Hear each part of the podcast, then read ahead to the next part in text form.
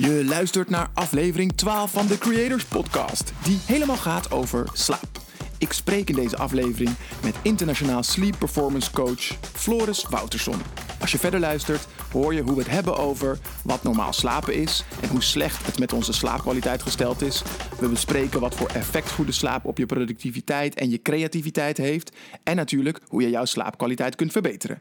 Extra bijzonder in deze aflevering: Floris vertelt hoe je jouw slaap kunt manipuleren om creatievere ideeën te bedenken. En we hebben het over de hype van het extreem vroeg opstaan en hoe slecht dat voor je kan zijn. Um, als je dus weet dat slaap niet homogeen is en dat het eerste deel van de nacht een ander type slaap is dan het tweede deel van de nacht, en jij categorisch te vroeg opstaat, dan haal je dus niet een uur van je slaap af, maar je haalt bijna 50% van je remslaap af, oftewel het mentaal herstel. Hey, wat gaaf dat je luistert naar de Creators Podcast. De podcast die je helpt om meer uit je ideeën te halen. Jij bent geweldig, dat weet ik gewoon. Maar laat jij wel genoeg van jezelf zien? Zien jouw ideeën voldoende daglicht? Ik ben jouw host, Ruben Klerks. En elke aflevering creëer ik samen met mijn gast een nieuwe bron van inspiratie om jou te helpen ook meer te creëren. Meer ideeën te bedenken, ontwikkelen en realiseren. Luister lekker verder, raak geïnspireerd en dan niet langer wachten. Laat jezelf zien. Maak die ideeën waar. Ja, als we het hebben over een gelukkig en gezond en succesvol leven, dan hebben we het ook al vaker gehad over de drie basiselementen die daarvoor zorgen: voeding, beweging en slaap. En slaap blijkt van die drie misschien nog wel de allerbelangrijkste te zijn. Tegelijkertijd is het ook de factor die het minst wordt ingezet, waar het minst aan wordt gewerkt. En dat vond ik fascinerend. Zo uh, ontmoette ik uh, ooit Floris Wouterson, sleep performance coach, voor een van mijn andere podcasts, de Lifestyle Design Podcast. En toen konden we heel kort eventjes met elkaar in gesprek over hoe je slaap kon verbeteren. En um, hij inspireerde mij toen enorm om naar mijn slaappatronen, naar mijn slaapritme te kijken en hoe ik dat kon, kon aanpassen. Dus toen ik deze aflevering uh, over slaap wilde gaan maken, dacht ik dat kan niet anders dan samen met uh, Floris. Uh, Floris Wouterson is namelijk ondernemer, slaapexpert, veel lezer en auteur van het boek Superslapen: De praktische lifestyle principes voor je beste nachtrust ooit. En bovenal, hij is dus sleep performance coach. Ga ik hem straks gelijk ook vragen wat dat nou precies inhoudt. De afgelopen 16 jaar heeft Floris uh, bijna 17.000 mensen geholpen om goed te slapen. En he's still counting. Hij coacht topsporters in binnen- en buitenland om beter te presteren. En in deze aflevering van de Creators Podcast gaat hij ons een klein beetje coachen om beter te slapen en te presteren. Ik ben heel blij dat je hier bent. Dankjewel, ja. dank voor de uitnodiging ik, ik ging natuurlijk van tevoren eens wat, uh, nog weer wat onderzoek doen. Mm -hmm. En toen uh, merkte ik weer, oh ja, dat was ook waar. Ik werd zo getriggerd de vorige keer door jouw titel. Ja. Sleep Performance Coach. Klopt, ja. Wat houdt dat in, Sleep Performance nou, Coach? Sleep Performance Coach is wel grappig. Eh, ik durf te claimen dat ik de enige in Europa ben.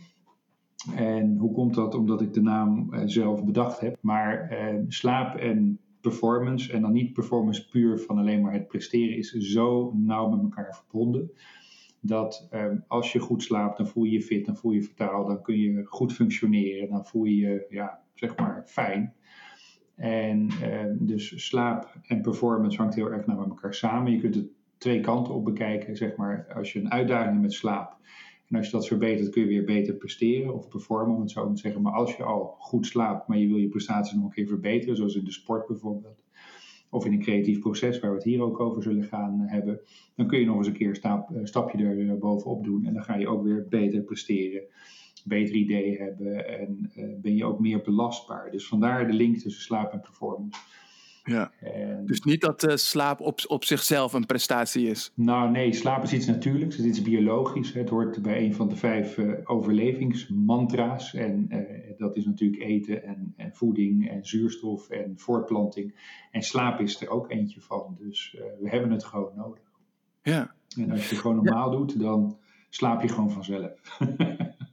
Ja, want, want, wat is normaal slapen? Hoe, hoe, hoe ziet dat eruit? Nou ja, goed, de normale slaap eh, wil zeggen dat je als volwassen persoon, want je moet even een onderscheid maken ook een beetje naar leeftijd eh, toe, want baby's slapen zeg maar polyfasisch 16, 17 uur in 24 uur, terwijl een volwassen persoon ergens tussen de 7 à 9 uur zou uh, moeten slapen om goed te kunnen functioneren.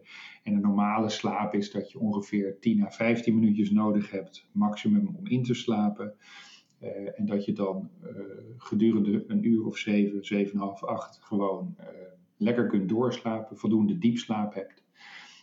misschien af en toe een keertje wakker wordt, misschien een keertje naar het toilet moet, dat is allemaal heel erg normaal. Uh, maar in de regel moet het gewoon zo zijn dat als je s morgens wakker wordt, dat je het idee hebt dat je goed hebt geslapen. Want een van de eigenschappen van slaap is dat wij in staat zijn om zelf te beoordelen of we onze slaap goed of niet goed vonden. Dus het is eigenlijk heel ah. bijzonder als je erover na gaat denken. En die beoordeling moet dus voor jezelf ook positief zijn. Ja, want zijn er cijfers van bekend? Uh, hoeveel mensen hun slaap als goed uh, beoordelen en hoeveel mensen hun slaap als onvoldoende beoordelen? Nou, er is recent inderdaad een onderzoek geweest. En het is in feite, vind ik, een beetje schokkend. Meer dan 50% beoordeelt zijn eigen slaapkwaliteit als niet goed. En de meest gehoorde oorzaak of klacht is zeg maar dat het werk gerelateerd is. Dus stress op het werk, het werk niet aankunnen en dat soort dingen allemaal meer. En dat zal nu misschien in de tijd waar we zitten met meer stressvolle tijden, de vervaging tussen werk en privé, veel thuiswerken, zal het percentage misschien wel een beetje gestegen zijn omdat ik ook op dit moment veel workshops geef voor bedrijven die graag hun medewerkers handvatten willen geven om beter om te gaan met zeg maar thuiswerken. Ja. want normaal trek je de deur achter je dicht en uh, rij je naar je werk en dan heb je een duidelijke scheidslijn tussen werk en privé.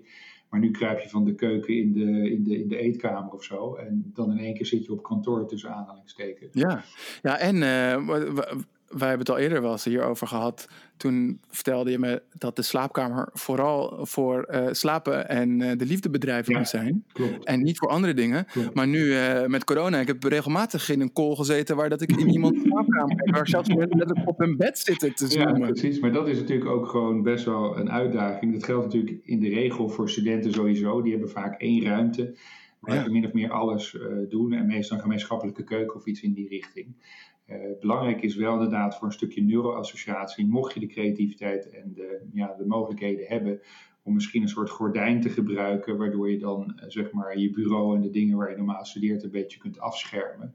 Ja. Dat je in feite uh, het decor een beetje verandert, zoals op een groot, in een groot theater, hè, dat het mm. in één keer een ander decor staat. In die richting zou je een beetje moeten gaan denken om die scheidslijn strakker ja. te maken. Maar je zult ook een paar goede routines moeten hanteren om ook je hersenen in dat punt gewoon, op dat punt gewoon makkelijker te maken. Ja, want wat bedoel je met neuroassociaties?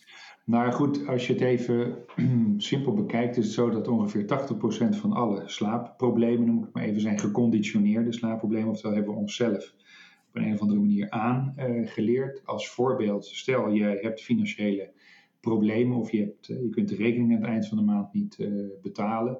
Nou, vaak heeft dat flinke invloed op hoe goed jij uh, slaapt. En op het moment dat je naar bed gaat, uh, dan gaat je hartslag omhoog, je bloeddruk gaat omhoog. En je begint eigenlijk uh, in bed liggen te associëren met iets negatiefs. Hè? Dus met, met wakker liggen, met stress, met piekeren en dat soort dingetjes allemaal meer. En als dat lang genoeg, lang genoeg voortduurt, dan op een gegeven moment associeer je die slaapkamer met piekeren en wakker liggen. En heb je zelfs moeite om naar bed te gaan of angst om naar bed te gaan. Omdat je weet, ik lig het plafond te staren en uh, ik maak me zorgen. Nou, stel dat na een tijdje uh, de financiële problemen voorbij zijn, dan kan het heel goed zijn, of vaak is dat zo, dat het nog een hele tijd duurt voordat zo'n situatie zich weer normaliseert. Omdat jij nog steeds zeg maar, je slaapkamer associeert met financiële problemen. En dat is wat we noemen ja. uh, neuroassociaties. En eigenlijk willen we dat we de enige associaties die we met onze slaapkamer hebben, dus dat is dus slaap en uh, genegenheid. Juist, precies. Ja. Zo, moet je ja. het, uh, zo moet je het zien. Ja. Um, ja, ik vind het interessant natuurlijk vandaag om het te hebben over um, de relatie tussen slaap en creativiteit. Ik heb het idee dat er over de relatie tussen slaap en productiviteit best veel bekend is. Ja. Ik vind het wel fijn om daar zo nog allereerst even dieper op in te gaan. Mhm. Maar daarna wil ik zeker ook met je kijken naar die relatie tussen slaap en creativiteit. En hoe we dat creatieve proces kunnen bevorderen. Ja, Maar als we dan eens beginnen bij die eh, relatie tussen slaap en productiviteit. ja. Ehm, ja, wat voor relatie is daar behalve dan natuurlijk de meest eh, voor de hand liggende, als je lekker uitgeslapen bent, dat je beter kan werken? Ja, nou, er is een hele grote eh, relatie, dus ook een gezondheidsrelatie tussen de twee. Maar op het moment dat je in feite, en dat merk je zelf ook wel, gewoon te weinig of niet goed eh, slaapt, dan eh, functioneer je en presteer je daardoor ook gewoon minder goed. En er is door een vrij grote Nederlandse ziektekostenverzekeraar eh, niet al te lang geleden een groot onderzoek gedaan onder ongeveer een, dacht 3.500 à 4.000 eh, respondenten die eh, ze hebben bekeken op basis van hun slaappatronen en het aantal uren dat ze sliepen. En dan moet je eigenlijk een onderverdeling maken, Ruben, tussen zeg maar eh, zes uur of minder slapen eh, over een langere periode. Tussen de zes à zeven uur slapen en meer dan zeven uur slapen. En niet meer dan negen uur, om het zo maar eh, te zeggen. Ja. En de groep die zes uur of minder sliep, die hadden in dit geval 59% had concentratieproblemen op het werk. Maar als we een stap verder gaan, Zo. is het zo dat van dat eh, percentage van 59 maakt ook 25% effectief fouten op het werk. Dus eh, het eerste wat onze hersenen offeren is onze concentratie als we niet genoeg geslapen hebben. En daar ligt ook het gevaar in het verkeer. En ook de mensen die zeg maar, met Zwarte Zaterdag allemaal midden in de nacht eh, naar een vakantiebestemming gaan, gaan rijden. Ja. Dat is eigenlijk gewoon spelen met je eigen leven en met, de, en met de inzittende in de auto, om het zo maar te zeggen. En 50% bijvoorbeeld ook van de dodelijke verkeersongelukken wordt veroorzaakt door vermoeidheid, schuine streep, slaaptekort. Dus, eh, en het enge daarin is eigenlijk om te benoemen dat we het zelf niet waarnemen. Dus we schatten niet in eigenlijk dat we eh, in ons eh, ja, concentratievermogen eh, niet meer goed kunnen handelen, niet meer goed de situatie kunnen inschatten en beoordelen. Nee. En daar ligt dus een hele sterke link eh, met, eh, met slaap. Maar dat geldt natuurlijk ook voor de politiek. Mannen die monstersessies doen en midden in de nacht beslissingen over miljarden nemen Ja. voor een hele bevolking. Dat is Ja, natuurlijk want ook eh, daarover gesproken, ja, in de vorige aflevering ehm, zat eh Arie Boomsma. ja, En die eh, had een vraag aan jou. ja, vertel. Ja, het het grappige is, in al die boeken en onderzoeken over slaap komen een paar dingen terug. De, eh, de rol van het donker, de, Ja. de melatonine, hè, de, de temperatuur, de afleiding vooraf. Hè, dus dat je de, de, de schermen uitzet en je gedachten leeg, leeg schrijft eigenlijk op papier. Dat zijn wel denk ik echt eh, de belangrijkste dingen. Dat als je wakker wordt, dat je geen lichten aandoet. En dat je vaste ritme aanhoudt. Dat zijn de dingen die eigenlijk in al die onderzoeken terugkomen. Maar ehm, wat je hem nog extra kunt vragen. Ah, het is gewoon een heel leuk onderwerp, omdat waar ik misschien wel het meest benieuwd naar ben, is ehm, het hele fenomeen Elon Musk. Hè? Dat soort Mm, types van dat soort ondernemers die roepen: ja, vier uur, meer heb ik niet nodig. Vier uur slaap. Of dat bestaat, of dat kan. Ja. Is het fysiek mogelijk om maar vier uur slaap... eh, Of er mensen zijn ja, die dat ja. kunnen. Want ik weet dat het voor mij niet werkt bijvoorbeeld. Ik heb echt wel die eh, zeven uur is mijn minimum. Als het minder wordt, ga ik dat een dagje geen probleem. Twee ook niet. Maar als het minder wordt, ga ik dat wel merken op een gegeven moment. Maar of dat kan. Dus dat er mensen zijn die eh, zo gebouwd zijn eigenlijk. Die zo geprogrammeerd zijn dat ze het aankunnen om langere tijd, vier uur per nacht te slapen. En dan toch zo productief... eh, Ja, want het is ook dan nog eens zo dat hij in die overige 20 uur ook gewoon full speed bezig is. Het is niet dat hij dan aan. eh, rustig Ja. aandoet. Nee. Eh, Nee, en is dat dan iemand die zichzelf opbrandt, zoals eh, Ariane Huffington hè, van de Huffington Post. Die heeft het hele mooie boek Thrive. En het platform Thrive heeft ze gemaakt aan de hand van haar. Ook branden, doorgaan, beuken, werken, werken, werken, werken. En toen gewoon neervallen op de redactie. Ja. En eh, tot inzicht komen. En is dat dan iets wat Elon Musk ook? Of bestaan er mensen die het kunnen?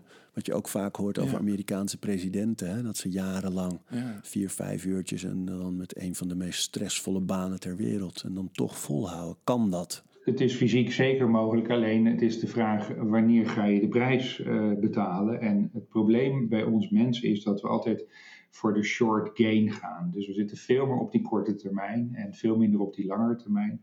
langer termijn zijn die gevolgen gewoon niet te overzien. Maar het is ook een glijdende schaal. Want wat ik net al aangaf, het is zo dat uh, het wordt een soort nieuw normaal. Jij weet eigenlijk helemaal niet meer wat het is om gewoon op peak performance je dingen te doen. Omdat je gaat wennen aan dat lagere niveau van concentratievermogen en ook mogelijk meer fouten gaat uh, maken. We even dat doortrekken, wat je noemt naar die twee of meerdere politici, maar er zijn wel meer mensen. Steven Joki zegt ook maar twee, tweeënhalf uur, drie uur uh, te slapen. Hij doet 300 uh, optredens per, uh, per jaar. En zit permanent in zijn, in zijn, in zijn privé, het vliegt van A naar B. En werkt ook nog een keer in de nacht. Dus het is ook nog een keer helemaal tegen zijn bioritme in, om het zo maar te zeggen. En hij heeft ook een documentaire die heet I Will Sleep When I'm Dead. Nou, dat gaat letterlijk ook gebeuren. Dus hij verkort, en al deze mensen verkorten gewoon hun leven. Um, dus uh, door gewoon te weinig te slapen. Er is iets dat heet een kort uh, slaper. Dus dat zijn mensen die aan hele specifieke vereisten uh, beantwoorden. En die ongeveer een vijf uur per dag nodig hebben. Dat is vaak zichtbaar in de familiale lijn. Dus er zijn vaak meerdere mensen in de familie die daaronder vallen. En ze hebben een afwijking van het zogenaamde DEC2-gen. En die mensen kunnen echt met weinig slaap toe en functioneren gewoon heel erg goed. Nou, de kans dat een Trump of een Elon Musk of een wat van dat soort mensen of een Steve Aoki uh, onder die categorie vallen, is statistisch gezien enorm klein. Ja. Dus uh, het is eigenlijk een soort speen die je zelf gaat voorhouden, of een worteltje die gewoon op termijn gaat stinken. Ik zal even drie voorbeelden aanhalen, en dan, uh, want anders denk je nog, hé, hey, dat was een leuke podcast, maar nu vind ik het niet meer zo leuk. um, als jij categorisch zes uur of minder slaapt, dan is de kans op een hartaanval 48% groter. Dus dat, Zo. dat is één. Twee, ik ga er nog één noemen. Als jij ook weer categorisch zes uur of minder slaapt, dan is de kans op een beroerte vier keer groter. Dus uh, dat is 400%, dus dat is ook gigantisch. En als je dan weet dat in de slaap, in een goede kwalitatieve nacht, met genoeg diepslaap en remslaap, um, maak je zogenaamde uh, natural killer cells aan. NK-cells worden die wel genoemd. En op het moment dat je zes uur of minder slaapt, wordt er 70% minder van die cellen aangemaakt. En dan hoef ik, ja, je kan de conclusie nu zelf al trekken, is de kans dat je, zeg maar, um, als er een kwaadaardig virus binnenkomt of zich ontwikkelt, um, wordt je immuunsysteem gewoon zwakker en is de kans dat jij uh, beter kunt omgaan met dit soort uitdagingen, wordt gewoon kleiner en kleiner. Dus er is een hele sterke relatie ook tussen voldoende slaap en bijvoorbeeld ja. prostaatkanker of borstkanker of colon cancer, dus terwijl uh, darmkanker. Nee, inderdaad, je maakt het er niet leuker op. Daar had je helemaal gelijk in. Ja. Maar, maar, ergens vind ik dit ook fascinerend. Want dit is dan dus de schaduwzijde van te ja. slecht slapen. Maar ik heb niet per se het idee dat mensen oh. niet weten dat slaap belangrijk is. Nee, het is, niet alleen, het is niet alleen slecht slapen het is vooral te kort en te weinig slapen. Ja. Ja, ja en, dan, en dan toch snap ik dat niet dat zoveel mensen net weten van oké, okay, ja, slaap is belangrijk. Mm -hmm. uh, maar er dan zo weinig aandacht aan besteden. Of, ja. of zie ik dat verkeerd? Jij, jij, jij het is heel mooi. Uh, ik, ik, doe af en toe samen iets met de Hersenstichting. En die hebben ook een heel mooi onderzoek hierover gedaan. Over slaapgedrag en slaapkennis. Ik ga even een hele simpele uit de kast halen in dit geval. Het is zo dat uh, de Hersenstichting in ieder geval heeft vastgesteld dat 94% weet dat je niet meer op schermpjes moet voordat je gaat slapen. Dus dat is eigenlijk ja. heel wijd verbreid bekend tussen, uh, onder ons mensen. En uiteindelijk 74% doet het gewoon nog. Dus closing the gap. Hè? 74% doet het. Hè? Dus 94% weet het. En 74% doet het. Hè? Dus die gaan effectief um, gewoon nog op een scherm hangen en dat soort dingetjes allemaal meer. Dus die ja. kennis is gewoon aanwezig. Het is alleen de vraag en dat noem ik altijd closing the gap. Hoe kan je dat gat tussen slaapgedrag en slaapkennis gewoon slechten, dat de mensen er ook meer en meer naar gaan leven? En ook vanuit het invalshoek, wij zijn ook de enige primaat hè, die ons onthouden van slaap. Er is geen aap, geen krokodil, geen uh, dakhaas, noem het maar even, die uh, zich van slaap onthoudt, want die slapen gewoon lekker. Wij doen dat wel. Wij hebben afspraken ja. en we moeten ergens op tijd zijn en we offeren, want het is nog een belangrijk project en dan offeren we ook onze slaap op. Studenten zitten s'nachts in de universiteitsbibliotheek te werken, omdat het nog zo ontzettend belangrijk is. Of dat zinvol is, even een andere discussie, gaan we het straks wel even over hebben. Maar het is gewoon, ehm, zeg maar, het besef. Iedereen weet wel dat je gezond moet eten. Iedereen weet wel dat je voldoende moet bewegen. Maar dat, en dat, dat doen we ondertussen ook niet natuurlijk. Nee, oh, maar, maar de regel is dat wijdverbreid. Maar eh, slaap is belangrijker dan eten en bewegen samen. Hè? Dus, en uh, gelukkig begint daar wel een kenter in te kopen. Mensen beginnen wel steeds meer in te zien hoe belangrijk uh, slaap is voor je hele functioneren, voor gezond oud worden. Ja, voor, waaraan, waaraan merk je dat? Nou goed, ik merk het gewoon aan de klanditie die ik heb, tussen aanhalingstekens. Dus, uh, en ik heb uh, sinds kort ook een uh, opleiding opgezet om slaapcoaches op te leiden. En, ga hele saaie verhalen vertellen. Daar ga ik ontzettend slaapverwekkende verhalen vertellen. nee, maar als ik zie hoe snel die volgeboekt zijn, dan ja? is dat gewoon een hele mooie, mooie trend om te zien. Dat mensen zich bewust worden dat het een onderdeel is binnen bijvoorbeeld personal coaching of binnen bijvoorbeeld uh, andere vormen van. Hè, als je diëtist bent, moet je gewoon kennis hebben van slaap als je iemand goed wil helpen. Want je uh, hongerhormonen worden in de slaap gereguleerd. Als je dat stukje kennis ontbeert, kun je nog zoveel dieetadviezen geven. Als iemand niet goed slaapt, heeft het gewoon geen enkele zin. Oh ja. Dus er zijn heel veel dingen die zeg maar, met elkaar uh, in verband te brengen zijn. die denk ik nu langzaam meer en meer binnendruppelen bij, noem het maar even, het stukje collectief bewustzijn.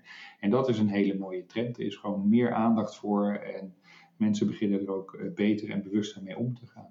Ja, ja, want, want ik, zit, ik, ik zit me hier zo hard op over te verbazen. Maar tegelijkertijd ben ik zelf ook soms een van die personen die um, doorwerken verkiest. Ja. Boven misschien even rust nemen. Ja. Op zich, mijn, mijn slaap is wel steady. En het is ook altijd wel uh, een beetje tussen de zeven en de, en de acht uur. Ja. En mijn, mijn slaaphygiëne na ons vorige gesprek is echt om, omhoog gegaan.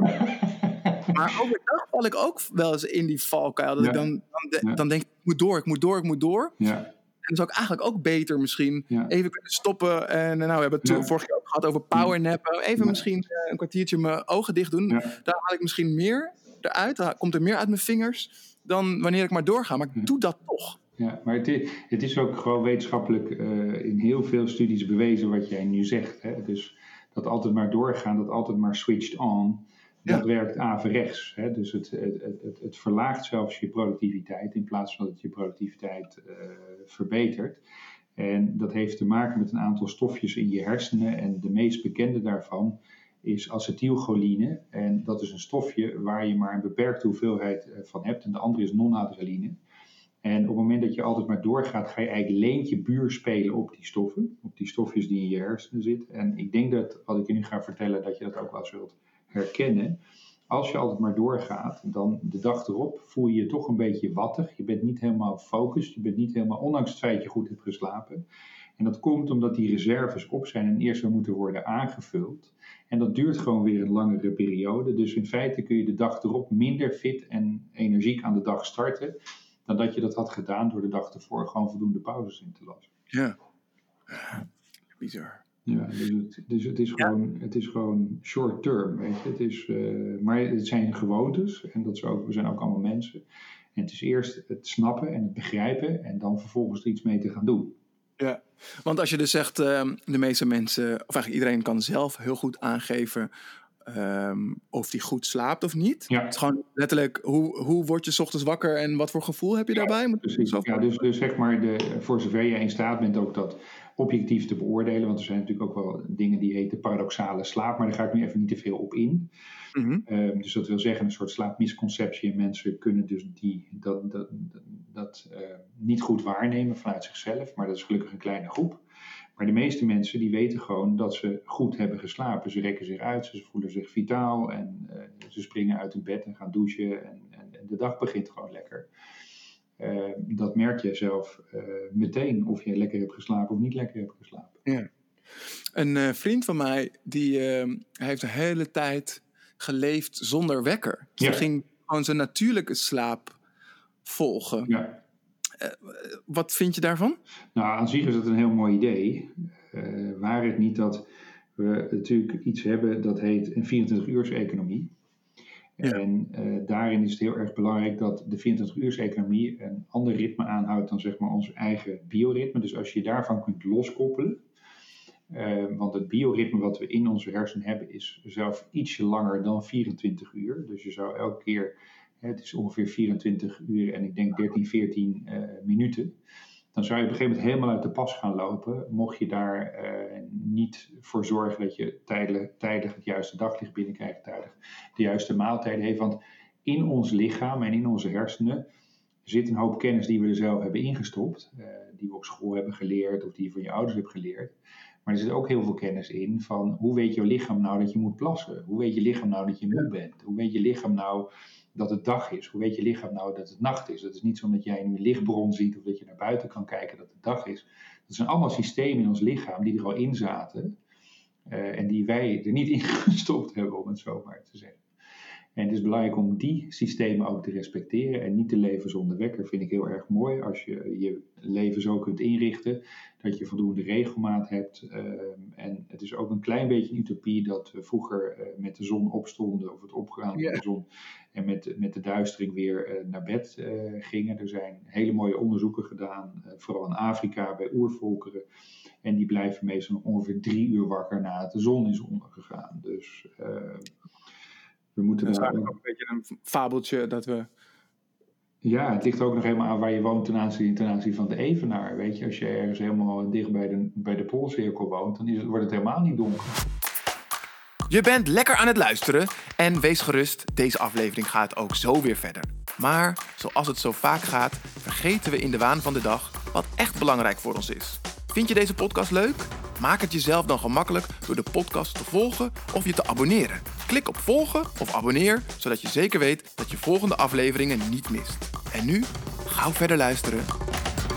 En wat vind je van de, ja, ik noem het toch een beetje een hype, um, van het vroeg opstaan? En als ik, ik hoor zoveel van die ondernemers en goeroes die dan, uh, ja, en dan uh, doe ik de belangrijke, en eerlijk, eerlijkheidshalve geloof ik er stiekem zelf ook een, een beetje in. Ja. Extra opstaan en dan ga ik dan de belangrijkste dingen van mijn dag doen. Heb je mijn werk verder nog een beetje bekeken, Ruben? Want dit is echt wel een hele interessante vraag. Ik ben heel ja. gesteld. Want in mijn lezingen ga ik hier altijd uh, op in. Zeker waar het zeg maar een beetje van die prestatiegerichte organisaties betreft.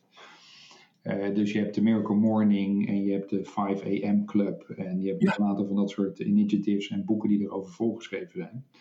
Uh, ik ga even kort door de bocht, uh, want het is altijd natuurlijk een beetje genuanceerder. Maar ik ga toch trachten jou in een hele korte tijd een beetje uit te leggen wat hier gebeurt en waarom mijn advies, wat ik zo dadelijk zal gaan meedelen, hierop gebaseerd is. Ehm, ten eerste is het zo dat slaap is niet homogeen dus dat wil zeggen dat gedurende de nacht je verschillende fases doorloopt. En het eerste deel van de nacht is een ander type slaap dan het tweede deel van de nacht. En ik ga het even simpel maken. Het eerste deel van de nacht is vooral geheugenherstel en fysiek herstel. En het tweede deel van de nacht is vooral mentaal herstel, dus die mentale frisheid. En uh, die mentale frisheid wordt veroorzaakt door wat wij noemen de droomslaap, schuine streep remslaap. En ik denk bij veel mensen wel uh, bekend of ze hebben er wel eens een keer iets van uh, gehoord. En in het eerste deel van de nacht zit je misschien per slaapcyclus een minuutje of acht in die remslaap. Maar het tweede deel van de nacht zit je misschien wel 25 tot 30 minuten uh, in die remslaap. Dus in dat mentale herstel, hè, die fase daarvan. Um, als je dus weet dat slaap niet homogeen is en dat het eerste deel van de nacht een ander type slaap is dan het tweede deel van de nacht. En jij categorisch te vroeg opstaat, dan haal je dus niet een uur van je slaap af, maar je haalt bijna 50% van je remslaap af, oftewel het mentaal herstel. Dus als je mijn antwoord wil weten op wat deze mensen hier doen, dan kun jij de conclusie nu zelf ook trekken. Ja, ja, en dan zou ik zeggen, van, mits dat is dat je dan, als je vroeger opstaat en daarmee van je slaaptijd afhaalt. Maar als je ook vroeger naar bed gaat? Ja, als jij dus, en daarom zeg ik ook in die ideale wereld, als jij uh, in staat bent om echt uh, een heel strak uh, programma van regelmaat jezelf op te leggen, dat je dus inderdaad uh, wel zorgt dat je bioritme weet, ik krijg van Ruben elke nacht 7 uur om te slapen, om te herstellen. En hij gaat altijd, ik noem maar wat, om 7 uur of om 9 uur naar bed, plus dan die 7 uur slaap die hij nodig heeft. Als je dat eikt binnen die bandbreedte, dan wordt er natuurlijk niks van je remslaap afgenomen. Ja, precies. Dus, maar mensen die maar wat doen, dus vroeg erin, laat erin, vroeg eruit en dat soort dingetjes allemaal meer. En daar een beetje de boel aan de laars lappen. Ehm, daar ben je in feite roofbouw aan het plegen op je eigen mentale herstel. Ja. Ja, nou dat komt sowieso natuurlijk niet je productiviteit ten goede. Nee, en, vooral niet je creativiteit. Nee, want daar wilde ik inderdaad naartoe. Ehm, wat is nou die relatie tussen slaap en je creatieve vermogen? En dan eventjes zeg maar... Um, uh, misschien is het goed om eerst te kijken wat jij verstaat onder creativiteit of je creatieve vermogen. Nou, creatief zie ik ontzettend breed. Hè. Creatief kan zijn hoe je uh, bijvoorbeeld slimmer je dag kan aanvliegen, maar creativiteit is voor mij ook Ehm, dat je op een gegeven moment uh, out of the blue onder de douche uh, een idee krijgt en denkt, hé, hey, dat is een goed idee, daar ga ik iets mee doen. Hè, dus sowieso is het een hele interessante vraag, waar komen ideeën eigenlijk vandaan? Dus ja. uh, daar kun je met elkaar denk ik ook nog wel een hele podcast mee vullen. Mhm. En ehm, eh, het is vaak ook, als je dat aan creatievelingen vraagt, waar komen ideeën dan van? Die vinden ze vaak een beetje uh, vervelend, of een beetje irritant. Ehm, eh, en je hebt natuurlijk ook wel het bekende writersblok en dat soort dingetjes allemaal meer. En er zijn natuurlijk ook hele mooie boeken over geschreven, The War of Art en dat soort dingen allemaal meer, hoe je daarmee om kan gaan en hoe je daar beter tot een waardevolle creatief proces kan, kan komen. Maar ik versta onder creativiteit gewoon ja, alles wat ertoe leidt om problemen op te lossen, om het leven leuker te maken of beter te maken of gezonder te maken. Dat is een beetje mijn definitie van. En dan voor jezelf of voor je omgeving. Dus ik, ik, ik definieer het heel breed. En dan als je, als je vanuit die definitie bekijkt, wat voor effect heeft um, goed en genoeg slapen daarop? Enorm, enorm. En we hebben het net al over de remslaap gehad, want dat is eigenlijk uh, het belangrijkste deel. Hè. Er wordt zowel gedroomd in de non-rem slaapfase als in de rem-slaapfase. Uh, ik zal het verder nu eventjes in het midden laten, maar wat ik al zei, slaap is niet homogeen. Dus je hebt twee soorten van slaap, min of meer. En uh, in beide fases uh, droom je en gedurende de nacht werken die ook met elkaar samen. En je moet het even als volgt voorstellen. Als je alle indrukken bij het autorijden zou registreren, dan zou je uh, hondsdol en bek af thuiskomen.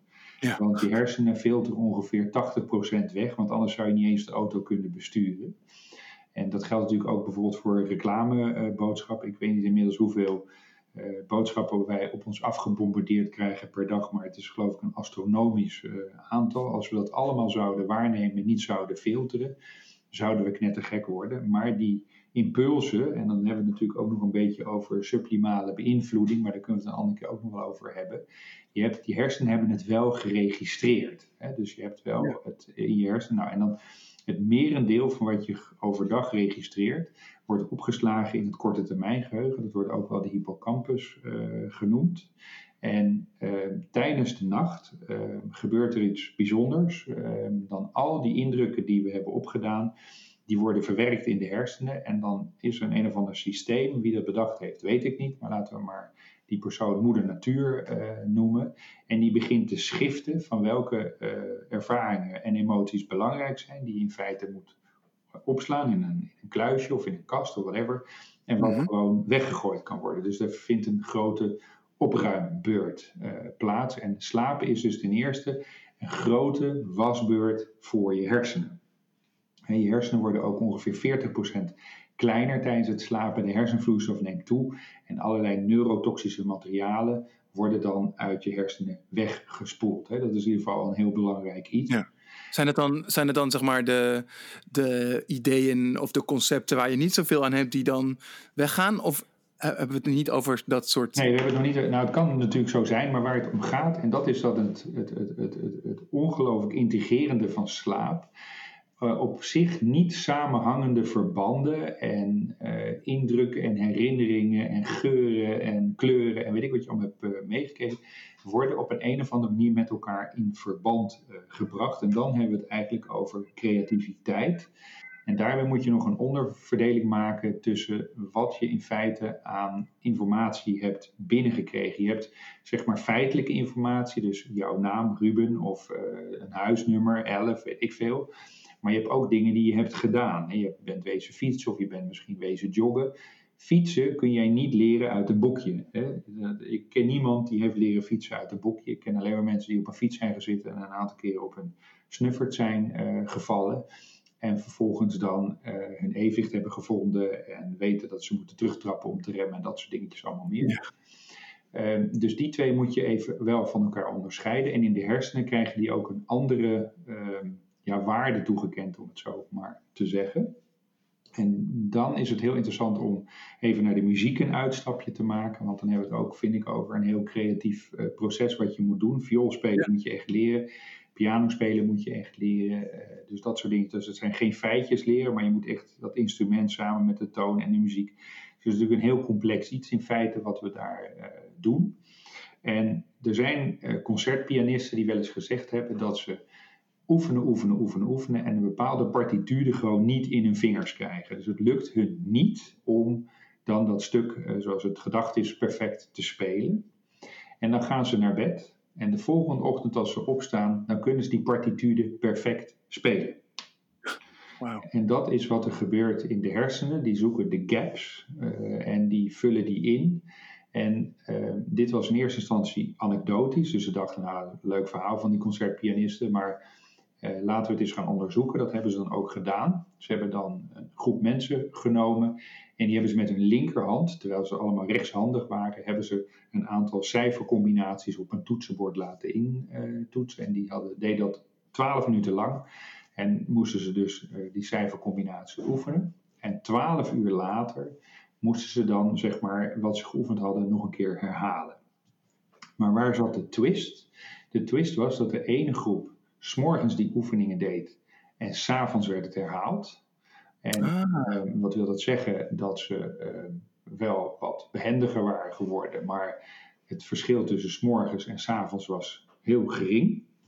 Maar de groep die die oefeningen s'avonds leerde en daarna 12 uur of uh, eh, 12 uur later en geslapen hadden, die waren 25% sneller en ze waren 30% accurater.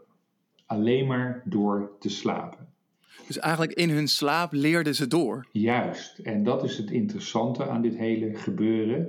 Maar de echte twist van dit hele verhaal is dat die personen die het s'morgens hadden gedaan en s'avonds getest werden, hebben ze daarna laten slapen.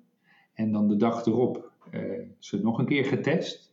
En toen hadden ze dezelfde resultaten als de eerste groep die het s'avonds deed, geslapen had en mocht oefenen. Dus die ook een stuk sneller en accurater was. Dus het werkt ook door een langere periode. Uh, nou goed, dit is even een, een, een heel mooi voorbeeld van hoe belangrijk slapen is voor ons cognitieve vermogen. Ja, er zijn ook wel uh, van die creativiteitsmethodes die ook zeggen van je eigenlijk voor het slapen gaan aan of zou je eigenlijk aan jezelf een creatieve vraag moeten stellen? Omdat je daar dan in je slaap uh, uh, automatisch over door gaat denken. Klopt dat? Ja, dat is juist. Dat is juist. En er zijn ook heel veel voorbeelden in de literatuur. En of die dan anekdotisch zijn of echt zo zijn, dat weet ik niet. Eén die ik het allerleukste vind is die van Salvador Dali. Die maakte ook gebruik zeg maar, van hypnogoge hallucinaties. Uh, ik weet niet of je wel eens van het woord uh, gehoord uh, hebt. Nee, wat is dat? Nou ja, hypnagoge, um, je hebt een hypnagoge schok, je hebt hypnagoge hallucinaties. Um, en in feite zijn dat twee slaapaandoeningen, noem ik het maar even, um, die niet altijd even prettig zijn. Dus hypnagoge hallucinaties dat je dus heel erg levendig droomt en ah, vaak ook heel eng droomt en daar uh, het idee dat je achtervolgd wordt, maar zo huidna, zo realistisch dat je het idee hebt, nou, ik ga, ik ga dood. Het kan ook leiden tot, zeg maar tussen aanhalingstekens, slaapverlamming. Uh, dus daar in die hoek zit dat een beetje. En die hypnagoge schok ken je misschien ook wel. Uh, als je jezelf zo ontzettend hebt uitgeput en, en zo hard hebt gewerkt op een dag of zoveel nieuwe indruk hebt opgedaan, dan lig je wel eens in bed en dan krijgt je hele lichaam een soort shock. Ken je dat? Ja, alsof je valt. Of ja, dat weer... precies. Nou, dat is een hypnagoge schok. Ah. En dat is de fase tussen waken en slapen. Hè? Dus dat is eigenlijk de overgang wanneer dit soort dingen uh, ontstaan. En uh, Salvador Dali in dit geval, maar ook een Stephen King, hè, de auteur bijvoorbeeld, maar ook een Albert Einstein. Er zijn er genoeg te noemen uh, die je kunt vinden in de literatuur over dit, uh, over dit onderwerp die maakte gebruik van deze techniek om uh, problemen op te lossen, om creatieve dingen te bedenken. En die gingen eigenlijk bewust die, die slaap opzoeken? Ja, dus dat, dat schemergebied gingen ze bewust opzoeken. En je kunt dat natuurlijk doen wat jij al zei. Hè? Voordat je s'avonds naar bed gaat, kun je jezelf bijvoorbeeld elke avond een bepaalde vraag stellen. En dan er wel voor te zorgen, en dat is een belangrijke tip die ik jou wat wil meegeven. En zorg dat je iets naast je bed hebt liggen. Dat als je dat idee hebt, dat je het ook kunt, kunt, kunt opschrijven. Eh, er zijn een aantal chemici eh, die bepaalde verbindingen hebben gezien of de werking van neurotransmitters in hun droom en dan meteen hebben opgeschreven. En daar dagen daarna verder zijn gaan borduren en het dan weer terugkwam in hun dromen als zodanig. Dus dat is in ieder geval heel erg belangrijk. Wat deed Dali? Dali zette het in, in de categorie, ik noem het maar even, de power nap. Uh, wat we nu de power nap noemen. In zijn tijd uh, werd dat natuurlijk anders uh, genoemd. Maar wat hij deed na de middag, nam hij een lepel in zijn hand. En vervolgens, want het was hem niet te doen om te neppen, het was hem te doen die hypnagoge ervaring te krijgen.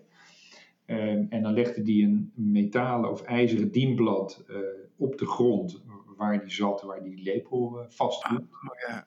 En op het moment dat hij dan in die schemer ja, tussen waken en slapen terecht kwam, dan heb ik de vorige keer denk ik ook verteld, dan ontspannen al je spieren zich, dan valt die lepel op die op dat dienblad, dat maakt een boel herrie. Je bent heel gevoelig voor geluid op dat moment, je bent meteen wakker. En dat zijn dan de momenten waar volgens hem eh, zijn mooiste schilderijen en zijn beste ideeën zijn ontstaan. En uh, gelijkaardige verhalen uh, vertelt Einstein, uh, maar ook een, een, een, Stephen King, die een nap deed in het, vliegveld, of in het vliegtuig en daar dan een van de beste plots bedacht heeft voor zijn boek. Maar dan zoeken ze dat, dat stukje schemerslaap op. echt om die creatieve ideeën te krijgen. Want het, is, uh, het, het, klinkt anders dan dat, je, dat je doorleert s'nachts. Of dat je nog dingen verwerkt. Klopt, klopt. Maar het werkt wel met elkaar samen. Hè? Want we hebben het net al even over rust en ontspanning gehad. Daar kan ik zo dadelijk ook nog eventjes over vertellen. Maar waarom hebben de mensen vaak de beste ideeën bij het hardlopen of onder de douche? Heb je enig idee waarom dat zo is? Ja, ik heb, ik heb wel eens over gehoord dus dat je een, een, een ander gedeelte van je brein gebruikt mhm. als, je, als je, zeg maar, eh, hoe noem je dat?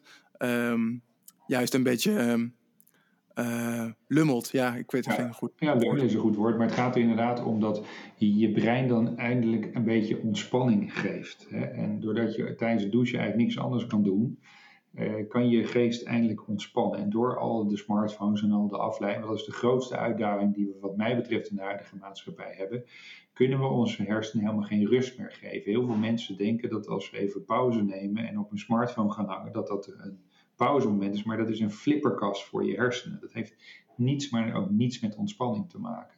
Nee. daar krijg je dus ook niet de mogelijkheid om creatieve ideeën op te doen. Als je zelf elke keer maar volstopt en consumeert via je timeline of wat, wat voor dingetjes dan ook.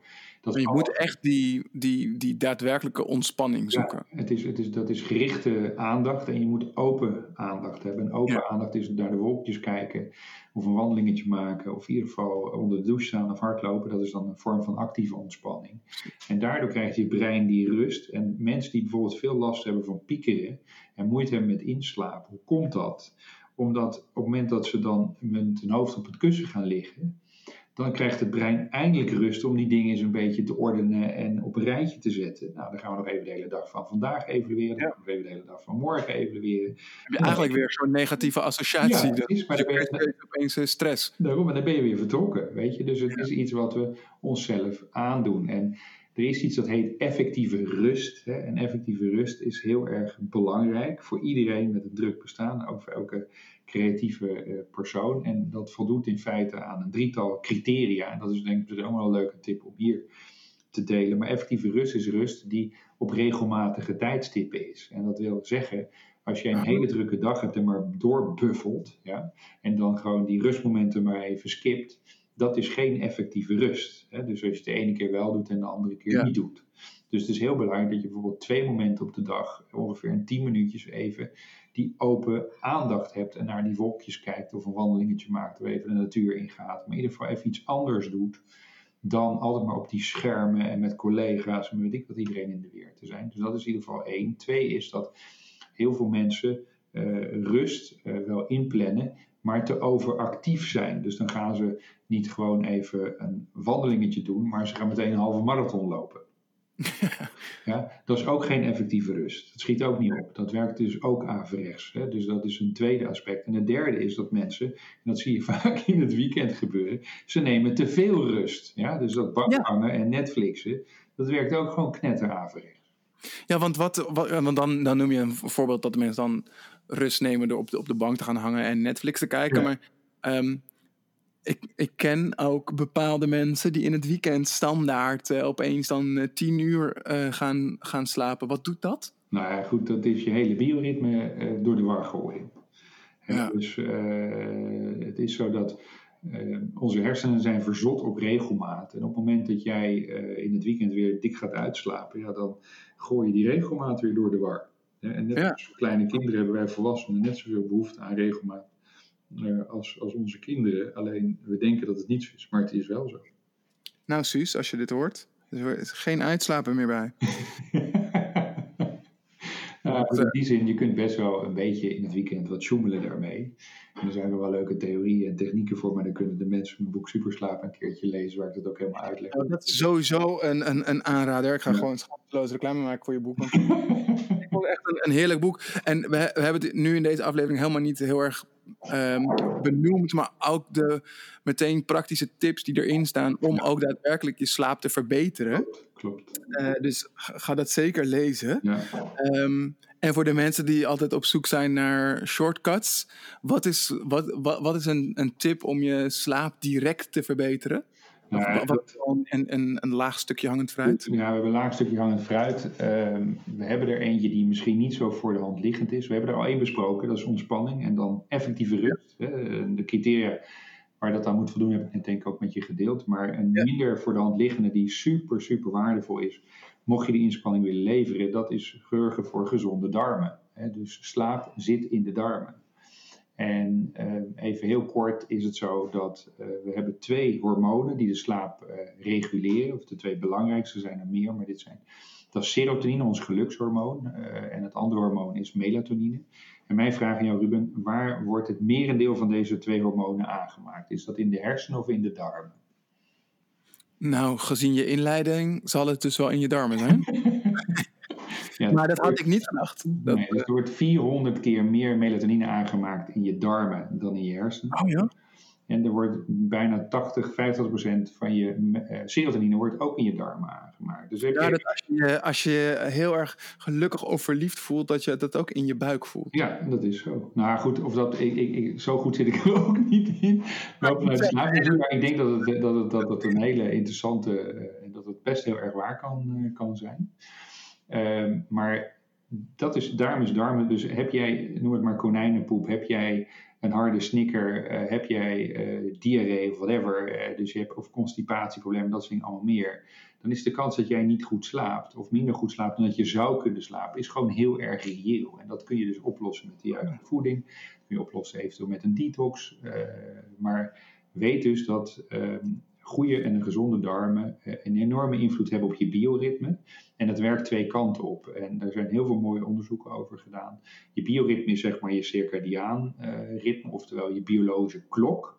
Ja. Die alles in je lichaam regelt en stuurt, dus ook slapen en waken. En de bacteriën in jouw darmen hebben invloed op de werking van jouw uh, biologische klok. Eén. En twee is het zo dat als je niet goed slaapt, gaat de kwaliteit van die bacteriën achteruit. Of dat microbioom, zoals het ook wel genoemd wordt. En vice versa, als je uh, weer minder goede microbioom hebt, een minder goede darmflora, wordt ook weer je circadiaanklok neer. Dus een soort visieuze cirkel. Uh, en, en gaat het dan over, over goed gezond eten of ook over het tijdstip waarop je eet? Beide. Is beide heel erg belangrijk. Een heel goed punt wat je ook uh, zegt. Natuurlijk dat intermittent fasting is ontzettend populair. Daar heb je ook weer allerlei varianten in. Er zijn hele interessante onderzoeken ook naar gedaan. Maar het beste zou je bijvoorbeeld s morgens om, om zeven bijvoorbeeld je eerste dingetje eten. En s'avonds om zeven uur je laatste dingetje eten. Dus dan heb je eigenlijk een, een, een eetvenster, zoals ik dat noem, van 12 uur. je kunt dat ook iets sterker of wat, wat, wat, wat scherper zetten, bijvoorbeeld op 11 uur, maar er zijn ook topsporters die het op 8 uur zetten. Ehm, maar het is heel erg belangrijk inderdaad dat je dat eetvenster uh, ook goed uh, bepaalt. Want op het moment dat je om 9 uur s'avonds nog even lekker een dropje gaat eten of iets anders. Ik weet niet of je weet, uh, maar je alvleesklier waar de insuline wordt aangemaakt, die heeft eigenlijk het signaal gekregen, we gaan nu lekker ons voorbereiden op de nacht. Ja. Begin jij er iets in te stoppen, waardoor dat hele systeem eigenlijk weer door de war gegooid wordt. Ehm, en daarbij nog eens een keer, uh, maar daar zal ik over ophouden. Um, alles wat je nog eet na die tijd wordt niet meer verbrand. Uh, dus dat wordt niet omgezet in glucose, maar in vetten. Daardoor krijg je weer van die fijne zwembandjes en dat soort grappen. Ja. Ja, ik vind dat ik sowieso dat eten vind ik super interessant. Ja daar, daar zou ik heel graag nog een keer een losse aflevering over organiseren. Ken, ken, jij mensen waarvan je zegt, die moet je dan echt spreken als het gaat om, uh, om voedseladvies? Nou, iemand die ik gewoon al heel lang heel integrerend vind, maar ik weet niet of je haar 1, 2, kan boeken. Maar uh, dat is Annemarie Reuzenaar. Zij begon al twintig jaar geleden te schrijven over uh, pas op met suiker en dat soort dingen allemaal meer. Mm -hmm. En zij heeft een heel leuk kookboek over, dat heet Het Heden Kook Ik kookboek heet dat. Uh, dat heb ik al heel lang geleden een keer gekocht. Uh, ze heeft inmiddels ook meerdere bestsellers geschreven. Maar ik weet ook niet of zij uh, open staat om mee te doen aan zoiets wat wij nu aan het doen zijn. maar zij weet er wel heel erg veel van. En ze kan er ook heel leuk over vertellen en ook over schrijven. Dus nou, een dame waarvan ik zeg, daar, heb je echt, daar heb je echt iets aan. Ja, oh, tof. Gaan we die ook eens benaderen. Ja. En daarmee komen we ook een beetje aan het einde van, uh, van ons gesprek. Leuk. In ieder geval weer ontzettend duidelijk en soms ook pijnlijk duidelijk geworden hoe belangrijk die slaap is en de kwaliteit van je slaap.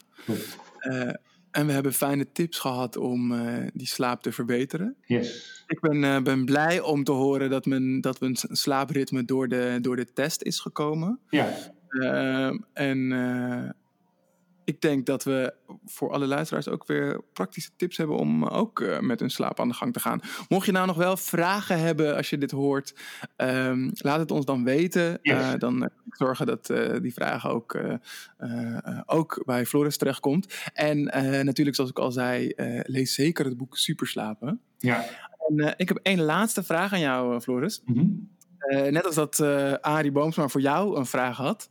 Uh, dacht ik, misschien heb jij ook wel een vraag voor mijn volgende gast. Dat is? En die volgende gast is uh, Danielle Brown. Ja. En zij is uh, corporate antropoloog. Ja.